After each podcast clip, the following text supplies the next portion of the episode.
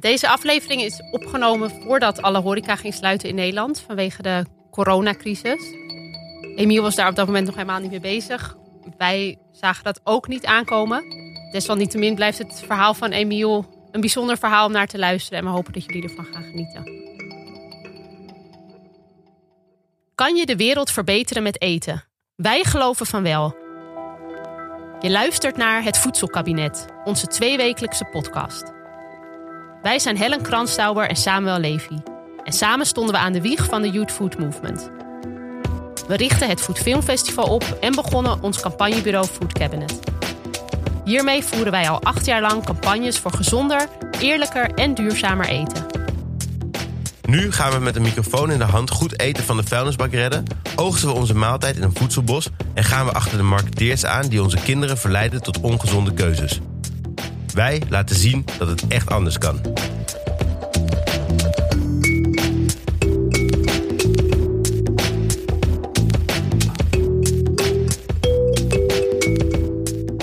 Jamie Oliver kent natuurlijk iedereen. Als chef inspireert hij niet alleen met een enorme collectie kookboeken en tv-programma's, maar hij zet zich ook in voor maatschappelijke issues, zoals een gezonde schoollunch voor ieder kind.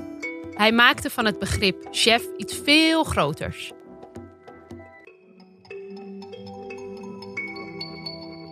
Hij is al lang niet meer de enige chef die zich inzet voor een betere wereld. Steeds meer chefs verbinden zich aan goede doelen of hebben hun eigen missie de wereld te verbeteren. René Redzepi, die in zijn wereldberoemde Noma in Kopenhagen hyperlokaal kookt, heeft nu zelfs een heuse chefsacademie opgericht, waarmee hij een nieuwe generatie koks wil opleiden die zich inzetten voor een betere wereld. Ook in Nederland zien we dat het werk van chefs zich veel verder uitstrekt dan alleen de keuken. Waar chefs zich tot voor kort lieten inspireren door de meest exquise ingrediënten uit verre oorden en zich met name toelegden op het binnenharken van zoveel mogelijk Michelinsterren, zijn ze zich steeds meer aan het profileren als de hedendaagse rocksterren en wereldverbeteraars. Kunnen chefs met hun missie de wereld verbeteren? Dat gaan we onderzoeken.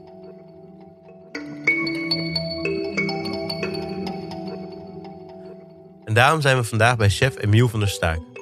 Restaurant De Nieuwe Winkel in Nijmegen is een van de innovatiefste restaurants van Nederland. In zijn onlangs opnieuw geopende zaak in het hart van de stad draagt hij de botanische gastronomie uit. Emiel is een chef met een missie waar je niet omheen kan.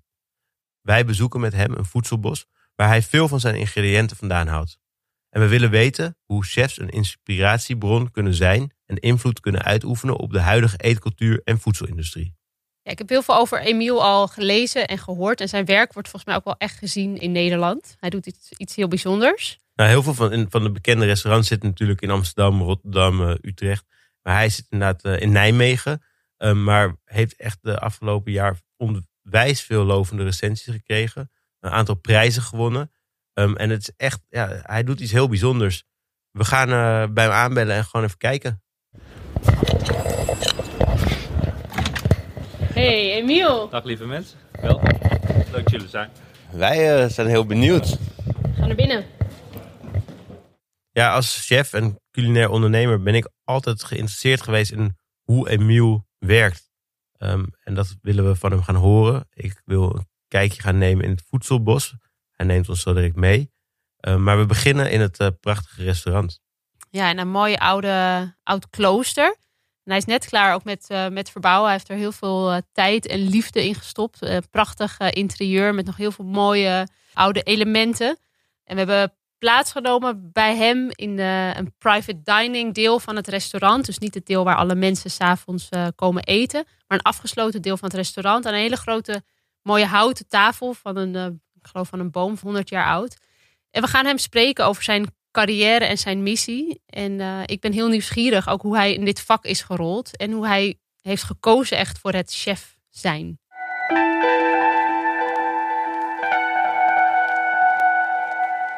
Nou, dat kan ik me nog wel herinneren. Toen was ik 21. Het was niet eens dat ik zeker wist dat ik chef wilde worden, maar ik wist zeker dat wat ik op dat moment studeerde, dat ik dat niet wilde worden. En het was in een volle examenzaal, examen natuurkunde. Ik studeerde civiele techniek. En ik stond op en liep naar voren en kondigde mijn vertrek aan. En liep naar buiten en bedacht me, en nu word ik chef-kok. En ik had werkelijk geen idee wat dat betekende. De aanleiding was dat ik het als bijbaantje al deed. Ik werkte in de keuken, de afwas begonnen om mijn veertiende. En ik was duidelijk beter in dat bijbaantje dan in die studie. En als je ergens goed in bent, is het leuk om te doen. Maar heel veel meer dan dat had het niet om handen. En toen, dus je hebt je, je, je ontslag eigenlijk aangekondigd bij je studie. En je liep naar buiten, je dacht ik word chef. En toen? Uh, nou, er is een opleiding in Nederland. Dan ga je vier dagen in de week werken en één dag in de week naar school. Dat was trouwens niet zo'n succes uiteindelijk. Of in die zin was het juist wel een succes, want binnen anderhalf jaar had ik alle diploma's. Hoefde ik niet meer naar school, maar ik kon ook helemaal niks. Dus ik wist niks, ik kon niks. En toen begon het pas voor mij. En uh, vanaf dat moment uh, heb ik mezelf opgeleid in de praktijk. En ik heb alles gelezen wat ik kon lezen om verder te komen. Wat zijn dan along the way jouw grote inspiratiebronnen geweest, of jouw voorbeelden? Ja, er zijn uh, gaande de weg allemaal inspirerende chefs geweest waar ik onder mocht werken, zoals Chilo van Koevoort en Edwin Katz bijvoorbeeld, maar ook Pierre Wijnands in België.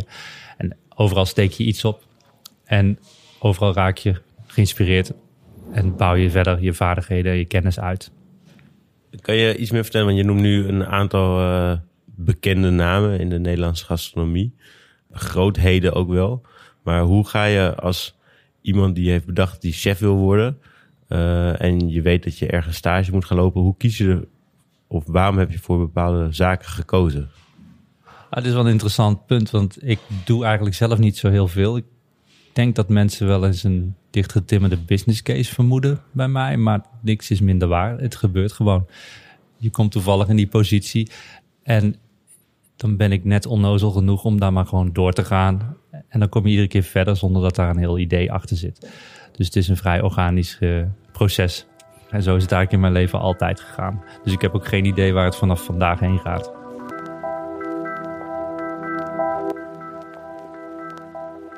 Nou, Emiel is een hele, hele relaxte gast en komt heel nonchalant over. Maar er zit mij wel een heel doordacht plan achter. En dat spreekt ook eigenlijk uit alles wat je ziet over hem op zijn website en uh, op de menukaart. Ja, er ligt wel echt een visie aan ten grondslag. Dat relaxed dat zie ik ook heel erg. Hij zegt dat het een soort van allemaal maar gebeurt. Dat, maar daar geloof ik helemaal niks van. Het is inderdaad volgens mij heel doordacht. Hij is heel erg op de ecologie geënt. En dat zie je terug in eigenlijk alles. Dus hij is veel relaxer dan veel chefs die ik ken. En hij heeft echt een visie. En die visie is ja, op een andere manier naar landbouw kijken. En een verbinding tussen de landbouw en wat er op het bord ligt creëren. En daar ook echt over vertellen. Um, hij is met die botanische gastronomie bezig. Dat betekent dus eigenlijk bijna geen uh, dierlijke producten op, uh, op het bord. Bijna alleen maar plantaardig. Ja, ik vind het heel bijzonder. Botanische gastronomie. Ik vind dat sowieso echt een geweldige, geweldige term. Ik had hem nog nooit eerder gehoord. En dit is wat Emiel er zelf over zegt. Ik had wel altijd aanleg, denk ik, om hier bij stil te staan. Dus ik zat toevallig laatst een stukje te lezen. Een stukje tekst dat ik in 2001 produceerde. En het ging over voedselethiek en over bedrijven die soorten wel of niet op het menu. En daar had ik toen al iets over geschreven. Was er al heel druk mee. Maar uiteindelijk wat het voor mij is geweest, is het verzamelen van informatie. En naarmate je verder komt en je meer informatie verzamelt. En je hebt op een gegeven moment die vaardigheid je eigen gemaakt en die kennis en die kunde, hoe kan je dan nog dat inzetten op een manier waarvan je eigenlijk weet dat het niet meer werkt? En dat is eigenlijk nog steeds aan de hand. Dus iedere keer weer leer ik over hoe ons eten zich verhoudt tot de wereld waarin we leven. En als ik daar weer nieuwe informatie over opdoe, dan pas ik mijn gedrag daar weer op aan. En dat is eigenlijk al meer dan twintig jaar aan de hand. Het is gewoon een proces, want ik weet ook nog steeds niet alles. Ik doe ook nog steeds nieuwe inzichten op en probeer daar dan weer een weg in te vinden. Dus dat is ook een proces wat continu gaande is. Um, maar ik had waarschijnlijk al heel veel aanleg. Maar dan terugkomende op iets wat je net zegt, want je zegt dat je nadenkt dus over van hoe we eten zich verhoudt tot de wereld waar we leven. Dat, dat dat een thema is in jouw werk. Kan je dan reflecteren op die wereld en op hoe we eten? En hoe dat dan jou drijft? Nou, wat we dus zien op het moment is dat wat wij eten in grote mate uh, bepalend is voor de grote thema's die nu spelen in de wereld. Dus dat gaat niet alleen om het klimaat. Het gaat ook om het landschap om ons heen. Dat verandert als we ons eetgedrag zouden veranderen. Het gaat over um, sociale ongelijkheid. Dat hangt samen met eten. Uh, onze gezondheid natuurlijk. Allemaal hele grote thema's. Misschien wel zo'n beetje alle grote uitdagingen waar de wereld voor staat. Zijn terug te voeren naar wat op ons bord ligt. Um, dat inzicht dat krijg je doordat je leest en af en toe het nieuws volgt. En dan is het dus zaak dat je dat in mijn geval tenminste, lijkt me dat logisch dat je dat toe gaat passen, die kennis. Dat je je gedrag erdoor laat beïnvloeden. En dat is een beetje waar we nu voor staan met z'n allen, voor die uitdaging. Ja, we zeiden het net al, je draagt de botanische gastronomie uit. Dat is echt jouw eigen verhaal. Welk antwoord biedt eigenlijk jouw, ja, jouw manier, jouw keuken, jouw manier van koken daarop? Ik heb lang nagedacht van wat kunnen we formuleren op een manier dat het zo eenvoudig is dat we daar ons elke dag aan kunnen conformeren. En ook iedereen die hier werkt dat in een split second begrijpt. Dus de bottom line is bij ons minder beesten, meer planten. Dat is gewoon een hele effectieve manier om invloed uit te oefenen op alle grote thema's. In de periferie daarvan leerde ik over landbouw en hoe dat eigenlijk een effect heeft op de bodem. Uh, hoe de bodemvruchtbaarheid afneemt op de, door de manier waarop we nu landbouw bedrijven. Ik kwam daarachter door in contact te komen met Wouter van Eck van het Voedselbos, waar een systeem van landbouw uh, vorm krijgt dat juist bodemvruchtbaarheid opbouwt en voedsel produceert. Jullie horen weer het voedselbos voorbij komen. Een term die jullie waarschijnlijk niet kenden. Maar daar gaan we later in de aflevering heen en dan horen jullie er veel meer over.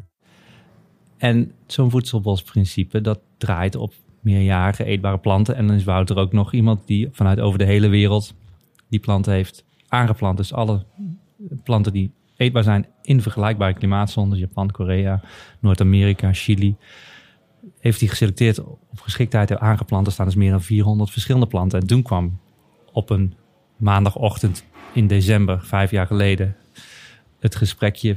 Hoe zullen we dit nou eens noemen, wat we aan het doen zijn? Want wij waren al heel druk met het verwerken van Chinese mahonie en uh, Japanse gember, uh, Koreaanse bergasperge, planten die we allemaal niet kennen. We waren er al toepassingen voor aan het zoeken, maar we hadden eigenlijk nog geen idee hoe dat kunnen we dat, kunnen we dat framen eigenlijk op een manier dat anderen daar ook door geïnspireerd raken.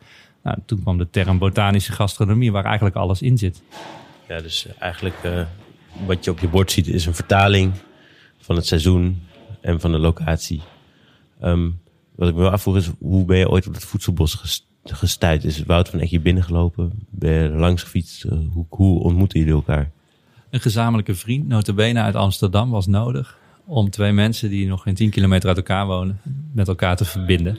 Dus dat is via e-mail gegaan. En de grap is wel dat zowel Wouter als ik geen zin hadden in die afspraak. dus wij komen op een druilerige dag in november daar aan. Hij vond het bos is nog lang niet in productie. Wat moet ik met een gekke chef? En die gekke chef dacht, wat is dit voor kale vlakte? Ik heb hier helemaal geen zin in. Ik wil naar huis. En binnen een minuut was het eigenlijk al beklonken. Puur op basis van het verhaal dat hij vertelde. Ben heel benieuwd op welk gerecht, als ik mijn hè, visie moet uitleggen, dan is dit het gerecht waar ik dat, waarmee ik dat het beste kan doen. En waar je gewoon mega enthousiast over bent. Wat, wat een doorbraak was voor ons, en dat ook illustreert de inspanning die we doen en dat het ook heel af en toe lukt, is het moment waarop we met de Chinese mahonie, de Franse uiensoepboom, werkten. Het blad verwerkten we al. Nou, dat is eigenlijk, is eigenlijk een belediging voor een chef. Je kan dat blad op het bord leggen en het is al volwaardig gerecht. Het heeft de smaak van gebakken ui. Uh, maar om die bladeren te kunnen oogsten, knotten we elk jaar die boom. En met dat knotten kwam het waanzinnig aroma vrij.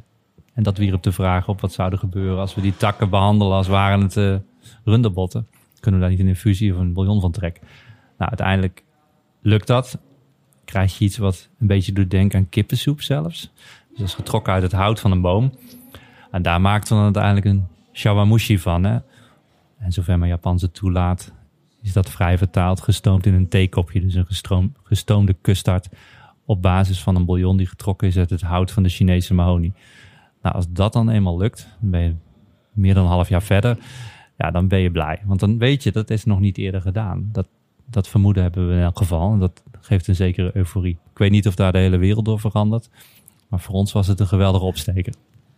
Het leuke is wel in dit verhaal we waren er heel lang mee bezig. Er kwam een beroemd culinair journalist eten. Um, en die kreeg de shawamushi als tweede geserveerd. En de eerste die het geserveerd kregen waren twee andere gasten. Die stuurden hem terug, omdat hij te zout was. En toen realiseerden we, in de dying seconds, realiseerden we ons dat tijdens het stomen dat vocht verdampt, waardoor de intensiteit toeneemt. Dus we hebben weer een nieuw recept gemaakt in die avond zelf. En ik wilde het gewoon per se aan die culinaire recensent voorzetten. En dat liep goed af, want hij heeft er een hele alinea aan gewijd en was tot tranen geroerd. Wie was die culinaire recensent? Dat was Mac van Dinter. zag net in de gang hangen, de recensie. Ik Ja. wist niet wie het was, maar dat die persoon zat te huilen van, eh, van blijdschap. Dat het zo lekker was. Ja. Ja. Ehm, zijn er chefs waar jij voorbeeld aan neemt waarvan je zegt dat zijn echt mensen die met een hele duidelijke missie bezig zijn, die echt de wereld aan het verbeteren zijn? Eh, nou, er is één chef waar ik door geïnspireerd raak. Ik heb hem dan ook ontmoet twee jaar geleden. was René Redzepi van restaurant Noma. Omdat dat gewoon een genie is. Niet eens zozeer is hij bezig met het verbeteren van de wereld per se. Hij is vooral ook een, een creatief brein. En ook iemand die inderdaad een hele beweging start, startte. Want het is inmiddels alweer 15 jaar geleden dat die Nordic cuisine waar het over gaat in opkomst kwam. Ja, dan heb je wel wat in je mars. En heb je als chef nog eh vergezichten voor waar jij zelf naartoe gaat, culinair gezien? Ik hou mezelf altijd voor dat ik iets heel anders ga doen. dus eh, dat is meer een gedachte-experiment om dit niet te ervaren als een gevangenis. Ehm, ik sluit het ook zeker niet uit. Ehm, culinair gezien, kijk wat ik eigenlijk aan het begin van het gesprek ook al zei. Die dingen gaan in mijn geval zoals ze gaan. En ik neem het zoals het is. En dat kan allerlei uitkomsten kennen. Eh, maar ergens zit er altijd de prikkel om te verbeteren. Dus ja, trek die lijn maar door. Eh, we kijken wel waar het heen gaat, maar er zit geen, eh, geen plan achter op, op dat vlak.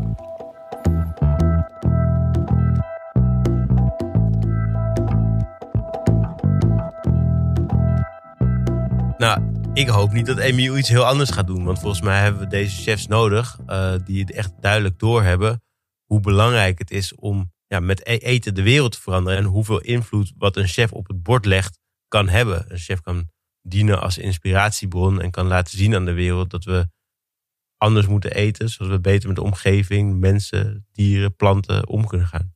Ja, en hij laat ook gewoon echt heel concreet zien dat wat hij serveert op zijn bord, door de keuzes die hij maakt en de, planten die hij gebruikt, dat er daarom ook weer zo'n voedselbos kan bestaan. En dat daardoor ook een landschap verandert en dat er hè, andere planten komen in, eh, in ons landschap. Wat direct te maken heeft met de keuzes die hij maakt als chef. Dus ik vind het ook heel bijzonder dat die wisselwerking er is. En Ja. dat het invloed heeft op elkaar. Ik geloof ook wel echt dat zeg maar, chefs die een soort van kaders hebben, een soort van beperkingen hebben, dat die het meest interessant gaan koken. Dus Er inderdaad. creatief van worden. Ja, dus op het moment dat eh René Redzepi zei van ik wil alleen maar eh, ja, uit het Noord Noordic landen gaan koken. eh, dat zorgde er ook voor dat het een stijl kwam. Omdat niet opeens meer alles meer kon. Dus er, er waren beperkingen en dat zorgde voor stijl. En ik denk dat doordat Emiel is gaan koken met vooral veel producten uit het voedselbos. En heel regionaal, eh, heel, heel plantaardig. Dat het echt zorgt voor een hele toffe stijl. En dat zie je niet zo heel veel in Nederland. Er zo'n duidelijke signatuur op dat bord echt terechtkomt. Met een heel tof verhaal erachter.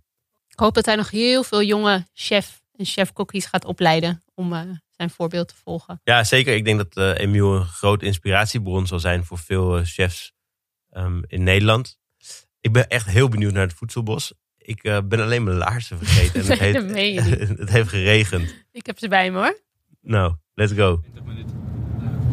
We zitten met Emiel in de auto en we zijn op weg naar het voedselbos. Hier in de buurt van Nijmegen. Een kwartiertje, 20 minuutjes rijden van de stad. En we rijden nu door de, door de drukke binnenstad. Voordat we naar het voedselbos gaan, nog een klein kijkje achter de schermen. Want ook bij deze podcast zijn er gewoon bloopers. We reden weg op weg naar het voedselbos en vergaten Volkert, onze producent, die vrij essentieel is voor deze podcast. En als jij dan je stoel 1 centimeter naar voren schuift. Oh.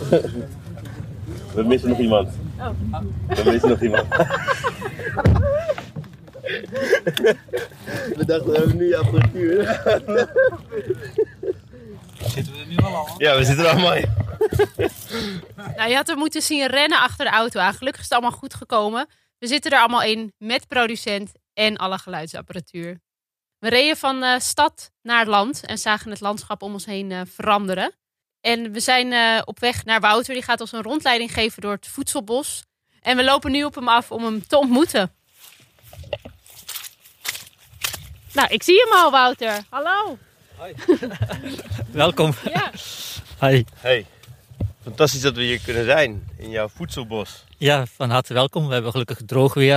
Het is nog wat koud, maar tenminste geen regen. En ja, inderdaad, er is veel gevallen afgelopen maand. Dus de paden zijn, eh, zijn blubberig. Wil jij ons meenemen het Ja. eh, bos in en ook vertellen eh, nou ja, hoe jij op het idee bent gekomen om überhaupt een voedselbos te beginnen in Nederland? Want dit is volgens mij het eerste voedselbos wat we hebben, toch? In Nederland. Of, Ja, in ieder geval waar het gaat om een systeem dat ook echt, behalve een eetbaar landschap, het, eh, de principes van een natuurlijk bos imiteert. Dus het is een gelaagd systeem. In een natuurlijk bos heb je grotere bomen, kleinere bomen, struiken, klimmers. Die zijn je allemaal al aangeplant. En het belangrijkste wat in een bos gebeurt is, is dat de mensen relatief overbodig zijn. We voor het bos niet te ploegen, niet te eggen, niet, geen water te geven, geen mest te verspreiden. En dat zijn de principes die we hier goed navolgen, nu al elf jaar lang. En eh, het bevalt ieder jaar beter om niks te doen. Het is dus niet maar de natuur zomaar eh, van het begin af aan laten razen, want dan krijgen we een natuurlijk bos. Het is een vereetbariseerd bos. Dus die vegetatielagen zijn eetbare soorten. Van de hoogste bomen die zwarte walnoot of pierkanoot of tamme kastanje kunnen zijn, tot daslook op de bodem die nou al boven is en geoogst kan worden. Het zijn eetbare planten in een bos. Ja, dus eigenlijk is de grote tegenstelling tussen wat de normale landbouw in Nederland doet en wat Wouter doet, is dat Wouter de, de natuur zijn gang laat gaan. En de landbouw is helemaal ingericht op dat wij de natuur besturen. Dat wij precies, ja, we hebben een soort van gigantische, eh uitgedokterde monoculturen die hoog efficiënt zijn. En dat is totaal het uiterste van wat Wouter doet. Die heeft een heel ingewikkeld bos, wat moeilijk te oogsten is, maar wat wel heel goed voor de natuur is. Dus je moet echt zien dat die twee soorten landbouw die hier vlak naast elkaar liggen, echt op een steenworp afstand, echt totaal twee andere kanten van de wereld zijn. ja, en dat is natuurlijk niet helemaal zonder plan, want Wouter is hier al elf jaar dit bos aan het bouwen. En daar ligt wel een heel, hele visie onder. En het is echt een puzzel om de juiste planten op de juiste plek te krijgen. Eh, en dat het elkaar echt allemaal eh, versterkt en aanvult. Dus er zit een heel, ook toch wel uitgedokterd idee zit erachter. Ja, je maakt eigenlijk een puzzel. En dan moet de, juiste plant op de juiste plek staan. Want de een houdt wel van een zonnige flank en de ander wil echt in de volle schaduw. En dat kun je in je puzzel meenemen. De een is een penwortelaar, die gaat diep naar beneden in de bodem. De ander wortelt oppervlakkig. En dat zijn dingen die we aan het begin in het ontwerpproces eh, kunnen meenemen. En daarna moeten wij dus ja, echt leren om eraf te blijven. En het voedselbos is 2,5 hectare groot. Dat zijn zeg maar vijf voetbalvelden. Eh, het ligt in een rechthoek, in een landschap waar rechte akkers en weilanden bestaan. Dus naast ons is een volledig kale akker waar in de zomer snijmais gro- groeit. En aan de andere kant zien we kale weilanden met raaigras, een monocultuur. Dus daar staat dus op 12 hectare, 24 voetbalvelden, één plant. Zijn de Engels raaigras. En hier op 2,5 hectare, nou ruwweg 600 verschillende plantensoorten, waarvan zeker de helft eetbaar is. Zullen we een rondje gaan wandelen? Zullen we... Laten we gaan wandelen. Ja. Eh, er is een belangrijke huisregel op het kavel. Eh, Voordat we naar de huisregels gaan, zal ik even vertellen hoe het er hier uitziet. Want het is een groot blubberpad. Ik loop hier met mijn Timberlands die echt zeiknat waren. Gelukkig heeft Helen de laarzen aan. Ehm, en Wouter die, ja, die vertelt ons van alles over de planten, de bloemen, de vogels. Er zit een ooievaar te klepperen. Ik vind het wel mooi als je hier voorbij zou fietsen, langs dit ja, voedselbos, zou je echt niet zien dat dit een voedselbos is. Want het zijn inderdaad wat struiken en wat bomen en het is een weerwar van takken, want het is nog niet zo heel erg eh, groen. De lente moet nog beginnen. Maar ja, er is dus van alles eetbaar hier. Ik ben heel benieuwd. Maar nu de huisregels. het voedselbos had niet op jullie bezoek geregeld toen we het gingen aanplanten. Dus de paden zijn smal en voor een deel eh, modderig. En toch moet je door de modder lopen. Sorry voor je sokken.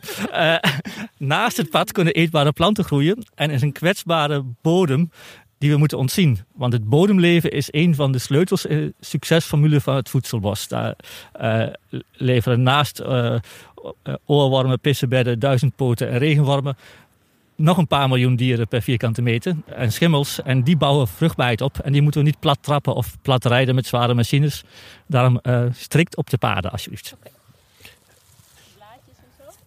Eh, ik zal een paar dingen noemen en aanwijzen. Sowieso, eh, dit is een oplopende zoom. Want het zuiden is aan die kant. Dus hier deze rij met rozen. Die krijgt eh, de zon waar ze van houden. Dan staat er ook een rij appels op halfstam. Het zijn appels voor cider. En tussenin staan struikjes sets van peper met dorens. Die houden van half beschut, half zonnig. Dat krijgen zij op deze manier ook. Daarachter staat weer een rij appelbessen die weer vol in de schaduw staan. Die de appels gaan leveren. Maar verder zie je bloesems. Van, als er een interval is, is dat bijvoorbeeld een uh, uh, abrikoze. Een hybride van pruim en abrikoos. Die we dan maar op zijn Engels pluot, dus plum en apricot noemen. Japanse peren die in, in bloei beginnen te komen, de nashi-peer, de kweepeer die al uitloopt. Dus de, de lente is op stoom en dat is mooi om te zien. Maar het duurt nog weken en zelfs maanden dat er iedere keer iets in bloei staat. En dat is het leuke. Dus voor de insecten die stuifmeel en nectar nodig hebben, is er gewoon ook een afwisseling van menu. Dat is het mooie van een polycultuur. Als je een gewas hebt met één veld, één plant op je oppervlak is er een kort moment stuifmeel. Alle amandelplantages in Californië bijvoorbeeld. Daar moet er dan bij je heen. En daarvoor en daarna is er niks. En dat is geen duurzaam systeem. Je moet eigenlijk ter plekke voldoende stuifmeel en nectar hebben voor de insecten. En is er ook voor de chef hier het hele jaar wat te halen? Het is zeker het hele jaar wat te halen. Zelfs met een koude winter zijn er nog winterharde planten. Zelfs veldkers kan nog wat vorst weerstaan. Of veel gebasten wederik. Ook vogelmuur. Um, en het fruit, dat gaat nog heel lang door, want het blijft nog best lang aan de boom hangen. Japanse kwee bijvoorbeeld. Dat uh, is tot ver in november nog te, te oogsten. En is het zo dat jij dan uh, op uh, maandag belt naar Wouter en een bestelling doorgeeft? Of kom je hier zelf oogsten? Ik kom hier elke maandag heen en dan, dan drinken we koffie en dan wordt er geoogst. En dan doen we een schouw, want het systeem is ook wonderbaarlijk en verdient ook om gevolgd te worden en inspireert. Dus dat is allemaal onderdeel van die maandag. Kom jij met verzoekjes naar Wouter van hé, hey, ik ben op zoek naar deze smaak of deze plant? Of hoe gaat. Is dat dan een wisselwerking tussen jullie, dat jullie samen op zoek gaan naar nou ja, ook de planten die culinair interessant zijn? Ja, zo heeft het wel gewerkt. Inmiddels zijn we al een beetje, ja, wat een slechts huwelijk. Uh, dus we zijn al, uh, werken al zes jaar samen. Dus Emiel weet ook al wel het ritme van het voedselbos. Van wat er in, op volgende weken en maanden door de seizoenen heen is. Uh, dus hij kan al om de daslook gaan zeuren, omdat hij volgende week boven komt. En dat zal hij niet in, in uh, september doen, maar dat doet hij eind januari, omdat hij begin februari boven komt. Dus dat zijn uh, het ritme van wanneer wat beschikbaar is. Dat, uh, dat leer je door, een paar jaar zo met het systeem te werken. En inderdaad, we hebben ook vrij veel geproefd en aangewezen. En dan is het zijn gastronomische trucendoos om ermee te gaan werken. Er staat je op de hoek een Chinese vruchtmeidoorn met grote bessen, zo groot als pingpongballen. Dus echt, uh, de inheemse meidoorn heeft kleine, melige besjes met grote pitjes. Dat is leuk voor wildplukkers, maar niet echt, uh, zet geen zoden aan de dijk als je voedsel wilt. Terwijl die, uh, deze uh, vruchtmeidoorn, dus echt nauw verwant, voor de insecten fijn, voor de opbrengst goed. Rauw net te zuur, maar dan weet Emile toch een heerlijk recept mee te maken. En dat is fijn. Dat via zijn kwaliteiten, de producten van het voedselbos, ook een goede bestemming vinden en tot heerlijk eten leiden. Ja. Is er al iets te proeven in het voedselbos? Ik wel ik heb hier een zure Japanse kwee. Uh, we kunnen zo even wat kruidlaag planten, want dat is ook een. Uh, het bos heeft juist in het vroege voorjaar bladgroen op de bodem. Want dan zijn de bomen zelf nog kaal. Dus het zonlicht valt dan op de bosbodem. En planten als zwartmoeskervel en daslok profiteren van dat moment. Dus in het deel met de meeste schaduw die je achter liggen, wat ook het oudste deel van het voedselbos is, uh, zijn dat de gewassen van de bosbodem. En daar staat de daslok. Ja, ik zal wat voor jullie plukken ja. om te proeven. En hoe weet je nou dat je niet te veel plukt? Want als, als je hier dus in het bos gewoon mensen loslaat om de daslook te oogsten, is er dan een risico dat je dan het jaar daarop geen daslook meer hebt? Uh, daslook is een plant met groene bladeren. Van een jonge plant mag je niet alle groene bladeren stelen. Want dan pak je eigenlijk zijn, zijn zonnecollectoren af. En dat is, uh, dat is zijn energiesysteem. Een jong aangeplante boom of struik moet je zijn groene bladeren laten houden, zodat hij sterk wordt. Je ziet dat de daslook die we daar hebben aangeplant, die is zich al aan het uitzaaien. Dus hier komt nou een heel tapijtje van daslook op de bosbodem. Dan is het goed. Dan mogen wij langzaam meer gaan oogsten. Hadden we het in het begin gedaan, dan had hij zich niet kunnen uitzaaien. Dus dat zijn, zijn een beetje geduldoefeningen. Ja. Terwijl bloemen of fruit mag je zoveel plukken als het er is. Want dat kost een plant energie in plaats van dat het energie geeft. Dat is het verschil tussen bladgroen en niet bladgroen. Heel erg uiig inderdaad. Ruikt naar ui, de daslook. Ja. Lekker scherp. Heerlijk. En hier kunnen we nog iets proeven. Dit is het blad van de zwartmoeskervel. Eh, het komt uit eh Caucasus en is sinds de Romeinse tijd die het eigenlijk naar Noordwest-Europa brachten eh, in gebruik. In de middeleeuwen juist was nog populair bij kloosters en daarna, juist omdat het een vaste plant is en traag start, wat, wat slomer in, eh, in productie komt, een beetje uit de gratie geraakt. Maar het is zeer, zeer aromatisch, veel smaak en ja, het groeit ook gewoon de winter door. Dat is het hele grappige. Is het lekker, Helen? Dit moet jij zeggen, Sam, waar dit naar, waar dit naar smaakt. Het is deels Zout- een bekende smaak, hè? Maar ja, ik kan het niet zo snel herleiden zelf. Die daslook was nog wel heel herkenbaar. Ja, maar, Ja. Het is een hele sterke selderijsmaak, ja. Maar dan wel de... Wel de het heeft dus de zeepige... Alle, al het zeepige uit de selderij extra versterkt, zeg maar. Je bent een groot... Ah, ik hou heel erg van selderij, maar dit vind ik heftig. Ja. Maar ik- je moet het natuurlijk verwerken, inderdaad. Doe jij hier iets mee, Emiel? Eh, we verwerken dit. In? nee, dit, is een smaakmaker. En, Ja. eh, ik zit even te denken, op het moment verwerken we hem niet. Want hij moet ook nog gaan groeien. Maar eh, dit is gewoon een kruid. Hè. Zo zet je dat in. Zo breng je dingen mee op smaak. Ik ga niet over iedere boom of struik iets vertellen, want er staat, staat vrij veel. 600. ja. Maar dit boompje hier verdient wel enige aandacht. Want zoals je kunt zien, zie je aan de etappes, hij groeit 3 à 6 centimeter per jaar. En als die ongeveer 80 jaar oud is, of 120, dan gaat hij voor het eerst bloeien. En dan heeft hij of stuifmeel of stamper, dan is dus mannelijk of vrouwelijk. Daarom staan er hier vijf in de bedoeling dat er twee verschillende bij zijn. Als we na die periode ontdekken dat dat niet zo is, moeten we wat bijplanten. Eh, als er kruisbestuiving is, dan groeien nootjes aan die een, een krokant zijn en een beetje een nootmuskaatsmaak met zich meebrengen. Dus daarom heet hij in het Engels Nutmeg Yew nootmuskaat. We moeten over 120 jaar terugkomen. Jazeker, en dan gaan we ook evalueren of het systeem echt klopt zoals we het verteld hebben. Ja. Ja. En hier groeien de pijnboompitten. Ja, ook hiervan wordt de oogst over 30 jaar al verwacht. Maar ze hebben dan hele grote dennenappels met daarin grote pitten. Maar als je weet dat zo'n boom dus tijd nodig heeft om überhaupt in productie te komen, is ook weer wat beter te begrijpen dat ze zo duur zijn. Dus is, eh, er zit gewoon tijd in en geduld.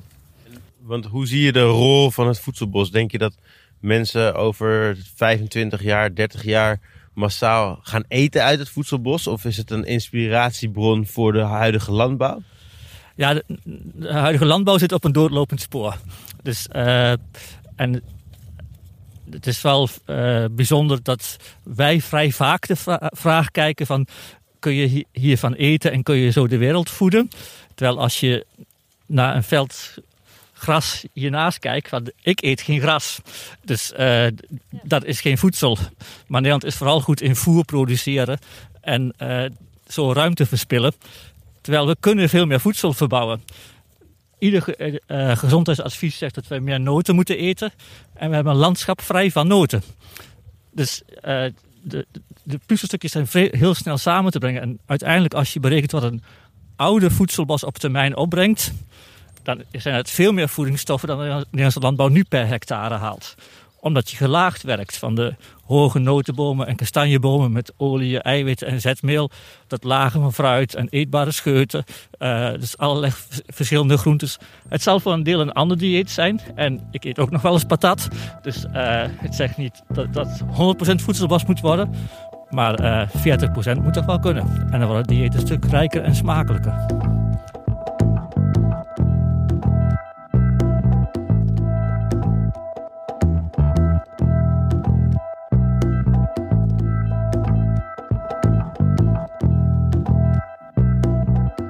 Ja, wat Wouter net zegt, dat vind ik wel interessant. Hij heeft het over hoe het voedselbos kan bijdragen aan het voeden van de wereld. Ehm, en wat ik denk dat misschien wel de belangrijkste bijdrage van de voedselbos is de inspiratie. eh, dat we weer terug gaan kijken naar de ecologie en hoe de ja, hoe een bos inderdaad ehm, ja, zorgt dat de bodem wordt gevoed. Een van de grote uitdagingen op dit moment in de landbouw is dat we alle bodems aan het uitputten zijn. En hij zegt eigenlijk, als we naar die voedselbossen teruggaan, dan gaan we de bodem weer voeden. En met gezonde bodems heb je gezonde landbouw. Dus ik vraag me nog steeds wel heel erg af of, het, we hier 40% van de wereld mee gaan voeden. Maar ik geloof wel heel erg dat het een hele grote inspiratiebron kan zijn. En dat, dat je kan kijken van hoe kun je de kernwaarden van het voedselbos kunt gaan implementeren in andere vormen van landbouw. Ja, het geeft ook wel heel veel oplossingen. Inderdaad, zoals jij zegt, gezonde bodem. Maar ook de biodiversiteit. Wat Wouter aangaf, dat op dat stukje bos wat hij daar nu heeft, dat die biodiversiteit, dus de hoeveelheid insecten en vlinders en nou ja, alle andere kriebelbeestjes, dat die al enorm omhoog is gegaan in vergelijking met uh, de, de stukken landbouw daaromheen. Maar ook het, de nutriënten die groeien in zo'n bos, dus de noten en de oliën. Uh, maar dat ook een oplossing is voor klimaatverandering. Dus er zitten inderdaad heel veel oplossingen in zo'n voedselbos. Ja. En of we nou allemaal meteen aan het voedselbos moeten, of heel Nederland moeten volplanten met bomen. Ja, wat ook nog wel Dat leuk is om te vertellen, is dat eh, de Stichting Voedselbos, die Wouter mede heeft opgericht, nu ook bezig is met weer nieuwe vormen van eh, voedselbossen aanleggen. Ehm, dat noemen ze strokenteelt, waarin eigenlijk verschillende gewassen met verschillende hoogtes naast elkaar worden geteeld. Wat het een stuk makkelijker maakt om te oogsten. En dat is eigenlijk een soort van tussenvorm tussen de biologische landbouw eh, en het voedselbos zoals wij dat nu hebben gezien. Ja, ik hoop dat voedselbossen in Nederland echt een groot succes worden. Want wat er uit die voedselbossen komt, is ook nog eens ontzettend smaakvol. Want dat hebben we geproefd bij Emiel in een nieuwe winkel. Want we zijn er ook gaan eten. Ik heb geen idee hoe je dit allemaal thuis moet koken. Het was allemaal heel ingewikkeld, maar wel heel lekker. Voor u het eh, eerste gerecht. Dat is eh, zonnewortel van de barbecue. En zonnewortel is familie van de aardbeer. Deze knolpoffen in zich heel in de oven. Daarna droogt het een langere tijd om meer een vleesstructuur te krijgen. Die vullen we met een notenmiso, wat bieslook en uien die we 7 uur lang warm roken op de barbecue. Die smaken bijna naar spek. We maken het af met een specerijenmelange van wat venkelzaad, wat korianderzaad en dat berenklauwzaad uit het voedselbos. En daarnaast onze zelfgemaakte zure room. Geniet ervan, laat smaken. Ja, nee, dat is inderdaad niet iets wat iedereen thuis gaat maken. Ik stel voor dat we hier Hiske Versprillen gewoon heen sturen voor haar podcast Chef. En dan kan zij lekker uitzoeken hoe je dit gerecht moet maken.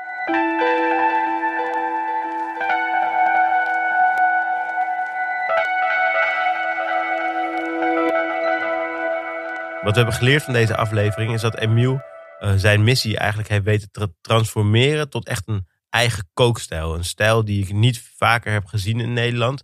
Uh, maar die wel kenmerkend is voor deze tijd, waarin chefs uh, ja, hun inzet voor de maatschappij of hun kijk op de wereld vertalen naar het bord. En dat zorgt ervoor dat er toffe, innovatieve, nieuwe dingen gebeuren. En dat trekt eigenlijk de hele Nederlandse gastronomie omhoog. Ja, en door het werk van Emiel en het samenwerken met het voedselbos verandert ook echt ons landschap. Wouter krijgt door heel Nederland aanvragen om voedselbossen aan te leggen en is daar ontzettend druk mee. Wij wensen hem alle, alle succes en hopen er zeker nog een keer eentje te bezoeken. Voor deze podcast vinden we het heel tof om chefs met een missie, mensen met een missie te portretteren. Dus als jij iemand weet die op een bijzondere manier met voedsel bezig is, of een chef weet die op een bijzondere manier bezig is met een missie, laat het ons weten. Wie weet kunnen we daar ook een aflevering over maken. Ja, het is een rare tijd. De nieuwe winkel van Emiel is natuurlijk nu gesloten. Sowieso uh, sterkte aan alle chefs en horecaondernemers en voedselproducenten in, in heel Nederland in deze moeilijke tijd. Het voedselbos groeit wel gewoon door. En we hopen dat Emiel daar snel weer kan gaan oogsten. De zon begint weer te schijnen, maar de terrassen blijven leeg. De horeca heeft het moeilijk. Gelukkig zijn er allerlei initiatieven door het hele land die producenten, leveranciers en die horeca helpen. In de volgende aflevering gaan we een kijkje nemen bij een aantal van die initiatieven. Luister dan ook weer.